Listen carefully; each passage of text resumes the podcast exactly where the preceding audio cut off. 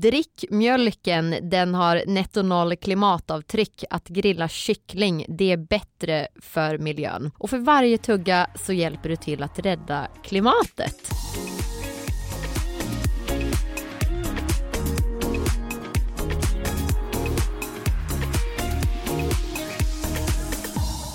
Vad är det här för någonting? Nej, men det här är ju reklam med eh, hållbarhetsbudskap som har kritiserats för att vara vilseledande genom åren helt enkelt. Företag vill ju hänga på miljövågen för att man har inte råd eh, att stå utanför längre och då kan man bli övertaggad som de här företagen då verkar ha blivit. Ja, det verkar onekligen bli fel rätt ofta faktiskt så mycket som varannan gång om man får tro EU-kommissionens granskning av hållbarhetspåståenden i reklam.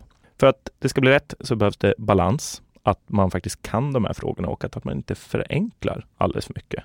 Och det här är ju någonting som vi ska prata lite mer om här idag i podden. Och först ska vi presentera oss. Jag heter då Julia och arbetar som redaktör på Resumé Insikt som är Resumés tjänst för fördjupande journalistik. Och jag heter Thomas Nilsson och jobbar som reporter vid sidan av Julia. Det här är ju årets sista podd, så varmt välkomna hit. Och just för att eh, det är årets sista podd så tänkte vi köra utan eh, gäster och ja, men helt solo. Vi kör själva mm. idag. Spännande! Och jag är ju väldigt, väldigt stolt här, för vi har gjort en jättebra grej återigen, eller hur Thomas? Absolut. I veckan här. Vi har ju anat en trend hos bolag som vill positionera sig som hållbara. Att de då ibland väljer att slå ihop rollerna hållbarhetschef och kommunikationschef till en roll. Eller då att de letar efter den hållbarhetsansvarige bland marknadsfolket och de som har då utbildning inom kommunikation.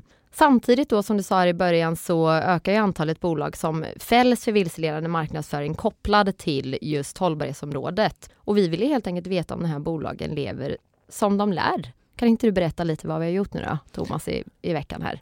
Jo, men vi har ju samarbetat med vår systertidning Aktuell Hållbarhet där vi har kartlagt hållbarhetscheferna på 96 bolag från den här listan Sustainable Brand Index. Det är en ranking där svenskarna får välja de bolag som de anser är mest hållbara. Och det är viktigt att säga det att det handlar om just vilka bolag de anser är mest hållbara. Det handlar ju alltså snarare om de bolag som har lyckats positionera sig och profilera sig som eh, ja, miljö och klimatvänliga eh, bolag helt enkelt.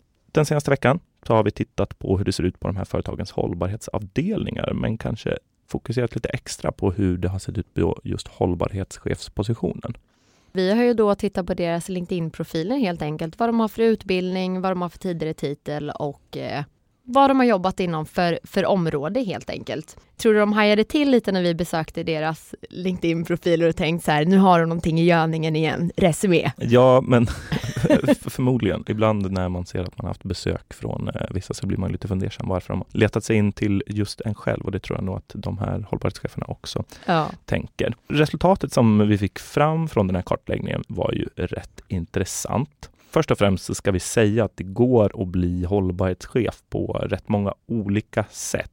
Vissa går den klassiska vägen och kanske utbildat sig till någon form av civilingenjör med miljöfokus medan andra har jobbat med de här frågorna väldigt länge under sina karriärer. De forskare och experter som vi har pratat med säger att det är såklart att föredra att man har en ordentlig utbildning, men att det går att ta till sig den här kunskapen helt enkelt. Även om det är komplexa frågor så kan man lära sig det utanför eh, ja, men högskolor och universitet helt enkelt. Huvudsaken är att man har rätt hög ja, grundkompetens i ämnet. Sen hur man tillskansar sig den, det kan se lite olika ut. Med det sagt, bara en tredjedel av de, de här 96 hållbarhetscheferna i kartläggningen är faktiskt utbildade i ämnet. Mm. Vilken var den vanligaste utbildningen där som vi hittade? Det är att man är utbildad ekonom, men ja. därefter, vilket är, är intressant för oss, så kommer kommunikation och marknadsföring. Mm. Vi hade ju en önskan om en tes då, att typ alla de här skulle vara eh, kommunikatörer. Eh, det sprack lite grann där då kan man säga. Men, men det är ändå eh, 24 personer i den här kartläggningen som hade en bakgrund inom marknadsföring och kommunikation. Ändå rätt många. Ja, verkligen. Alltså det var inte så många som vi kanske misstänkte, men det är fortfarande en rätt ansenlig mängd. Mm. Det var dessutom så att 15 av de här bolagen har, har valt upplägget där man slår ihop hållbarhets och eh, kommunikationschefsrollen. Vad tänker du om eh, det här Julia? Jag känner lite så här då att eh, det kan vara svårt att bottna i en hållbarhetskommunikation om den som skjuter ut budskapet också basar över den här hållbarhetsfrågan då på företagen och, och saknar utbildning på området. Det är ju inte så att komplexa klimatberäkningar ingår i en kommunikations eller ekonomiutbildning. Jag tror inte att det gör det. Experterna säger att det inte gör det i alla fall. Jag skulle säga att det är ganska långt ifrån. De kan ju andra sidan ha en hållbarhetsavdelning eh, under sig med väldigt eh, kompetenta medarbetare som har den expertkunskap som krävs då. Men det är ju ändå de här hållbarhets och kommunikationscheferna som har det slutliga ansvaret för frågan då. Samtidigt så är det ju intressant att hållbarhets och kommunikationsfrågan är så tätt sammankopplade idag. Och det här visade ju sig inte minst i politiken här veckan. Vad var det som hände där? Jo, men eh, Magdalena Andersson tillträdde ju för andra gången som ny statsminister. En av de eh, ministrarna i den nya regeringen är Annika Strandhäll som fick ansvaret eh, som just klimat och miljöminister. Annika Strandhäll är ju en politisk veteran och säkert superkompetent, men hon har aldrig jobbat med frågor som ens angränsar till klimat och miljöfrågan. Hon har ju varit social och socialförsäkringsminister tidigare. Man kan ju jämföra det med de två tidigare klimatministrarna. Per Bolund som är, ja, han har en magister i biologi och pluggat systemekologi och innan honom så var det Åsa Romson också från Miljöpartiet som är doktor i miljörätt. Rätt gedigna bakgrunder där. Ja, men det, det, får man ändå lov att säga och det här märkte och tänkte ju även de politiska journalisterna på. De eh, började ställa en massa frågor om hur mycket Annika Strandhäll egentligen kan om de här frågorna. Ja, hon grillades ju lite där i ett livesänt läxförhör i Aktuellt. Strandhäll säger själv då att det inte är ovanligt för ministrar att byta ansvarsområde och det stämmer ju. Samtidigt så var de politiska kommentatorerna rätt säkra då på att eh, Annika Strandhäll valdes på grund av en annan kompetens. Att hon då är duktig på kommunikation, på att mm. kommunicera helt enkelt. Och Magdalena Andersson verkar ju ha gjort samma bedömning då som många chefer inom näringslivet. Ja, men det är verkligen intressant och nästan eh, sjukt tydligt hur nära sammankopplade de här två eh, ämnena är. Och det säger ju faktiskt de experter och forskare som vi har pratat med också. Att kom vi är specialister på det vi gör, precis som du. Därför försäkrar vi på Swedea bara småföretag, som ditt. För oss är små företag alltid större än stora och vår företagsförsäkring anpassar sig helt efter firmans förutsättningar. Gå in på swedea.se företag och jämför själv. Kommunikation är en viktig del av hållbarhetsarbetet. Det handlar trots allt om att få med sig en hel mängd människor, oavsett om det är väljare eller om det är olika avdelningar på, på företaget att gå med på en rätt radikal omställning. Och då gäller det att veta vad man ska säga, men också hur man ska säga det. Det var en grej som eh, Joel Lindefors som jobbar på en hållbarhetsbyrå som heter Futerra. Någonting han sa men som inte kom med i artiklarna marknads och kommunikationsmänniskornas jobb, det är ju lite att vara där det händer. Man engagerar sig i de frågorna som är heta för tillfället, försöker hitta ett sätt att, för bolaget att ta plats där helt enkelt. Och just nu så, det är på hållbarhetsområdet väldigt mycket händer. Det är otroligt mycket som, som kretsar kring de frågorna. Det är nog en rätt stor förklaring, tror jag i alla fall, till varför det ser ut som det gör och varför det är så vanligt med att ha de här kombinerade bakgrunderna och att man är kanske utbildad i kommunikation trots att man jobbar som hållbarhetschef givet att det handlar om en så akut fråga så känns det ändå som att sakkunskap borde vara det viktigaste. Ja men verkligen och det får ju vara det om hållbarhetscheferna då Thomas. Vi pratar lite eh, om den här grejen. Den som vill veta mer då får gärna surfa in på resumé.se och läsa ännu mer om det här. Och det här är ju årets sista podcast och vi är faktiskt lite skamlösa idag. Så vi tänkte lyfta fram några av de saker från året som vi är mest nöjda med. Och vi är fortfarande ett rätt nytt team, Thomas. Eh, vi började arbeta tillsammans här i, i typ augusti. Mm. Ja, hur känner du att det har gått här? Är jag jobbig?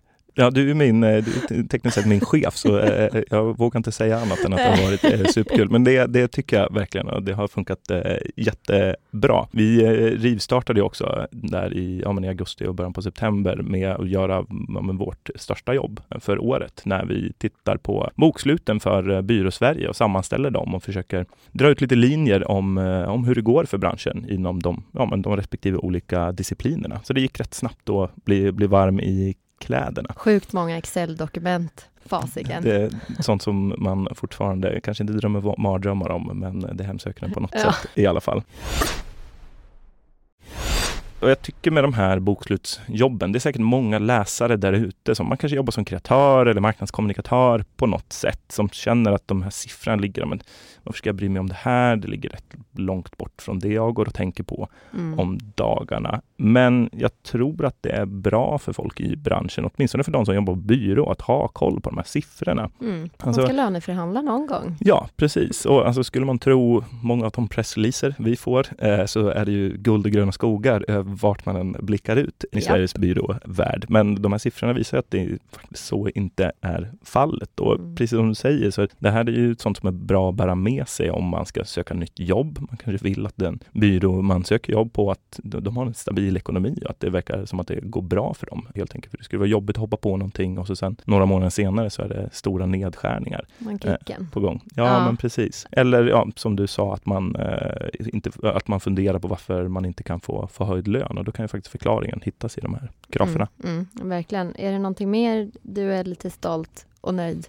med. Ja, men i och med att du redan har sagt att vi är skamlösa så får jag väl brassa på lite extra här. Jag tycker att det är kul att vi har bevakat hållbarhetsfrågan och dess koppling till, till kommunikationen. Alltså dels nu, men vi har gjort det tidigare i höstas, så tittade vi på hållbarhetsmärkningar som många av ja, modeindustrins bolag och även, ja, även andra bolag inom andra områden håller på med, där de tar fram helt enkelt egna eh, märkningar som inte alls är lika hårda som eh, exempel Svanen, där det faktiskt är andra bolag som ställer kraven, ser till så att de här bolagen lever upp till dem. Mm, oberoende märkningar helt enkelt. Mm. Precis. Och sen om jag får säga en sista grej, jag lovar att jag ska sluta här snart, så tyckte det var kul när vi fångade upp frågan om briefer som vi gjorde för ja, en månad sedan eh, mm. eh, ungefär. Ja, men jag har jobbat här på Resumé i fem sex år och man tycker att man har ganska bra koll på vilka problem som folk upplever i branschen. Det är ingen som har sagt till mig när man har frågat dem så här, vilka är de största vardagsproblemen och vilka gör, vad är det som gör det svårast för dig att göra ditt jobb? Så är det ingen som har lyft frågan om ja, men briefer och att de är otydliga, att det tar lång tid, de kanske inte alltid är så inspirerande och att man får jobba om dem gång på gång helt enkelt. Sen var det värsta grejen, det är ju ett stort problem.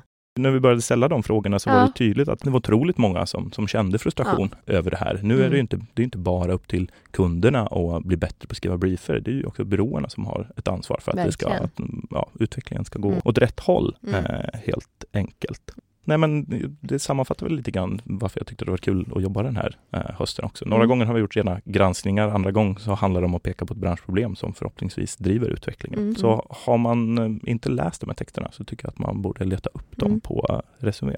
Visst lär man sig saker också? Absolut. Jobbar på insikt, redaktionen. Men nu har jag babblat på här om vad jag ja. Eh, känner att vi har gjort. Vad, Ska jag säga något nu? Ja, ja finns det någonting kvar att välja? Ja, men jag, jag är lite mallig över den här granskningen som vi eh, gjorde av Lyko, bland annat. Och vi kunde då visa att de anställdas betyg räknades in i snittbetyget av produkterna som de då sedan marknadsförde där på sin sajt. Det här var ju något som de tog bort senare. Jättekul att det var andra medier som lyfte upp det här. Aftonbladet, eh, ja, Sveriges Radio mm. och så vidare. Och Rickard Lyko, då vdn där, var ju också eh, med i podden här tidigare i höstas. Det var kul. Sen eh, är det ju helt otroligt hur mycket medieexponering som Lyko eh, har fått i Resumé faktiskt under hösten. Typ i tio artiklar eller någonting. Kalle Eliasson, där marknadschef, han vann tillväxtpriset här på Sveriges bästa marknadschef. Och det, vi får lugna oss lite med Lyko nu, Thomas. Ja, nej, men... Nu pratar vi om Lyko här igen. Fan. ja, det var lite lustigt när vi, när vi satt och gick igenom artiklarna här under hösten. Det var ja. ett företag som, som återkom. Vi får helt enkelt ge både oss själva och eh, Lyko lite vila här i jul. Ja, ska det bli gött med lite julledigt? Absolut. Jag har man lite, behöver det. Ja, man behöver det och innan jag ska gå dit så ska jag jobba ikapp lite grann av det som har släpat. Men sen så eh, är det dags att ta ledigt helt enkelt. Härligt. Och innan vi säger hej då och tackar för det här året så vill vi också tacka vår fantastiska producent Julia Sivet som sitter här bredvid när vi spelar in podden. Tack så jättemycket. Du är verkligen en klippa och har hjälpt oss under året. Så tusen tack till Julia också. Och stort tack till er som har lyssnat eh, under Ver året också. Det får ja. inte glömma. Tusen tack för det och god jul och gott nytt år så ses vi och hörs snart. Det gör vi. Hej då!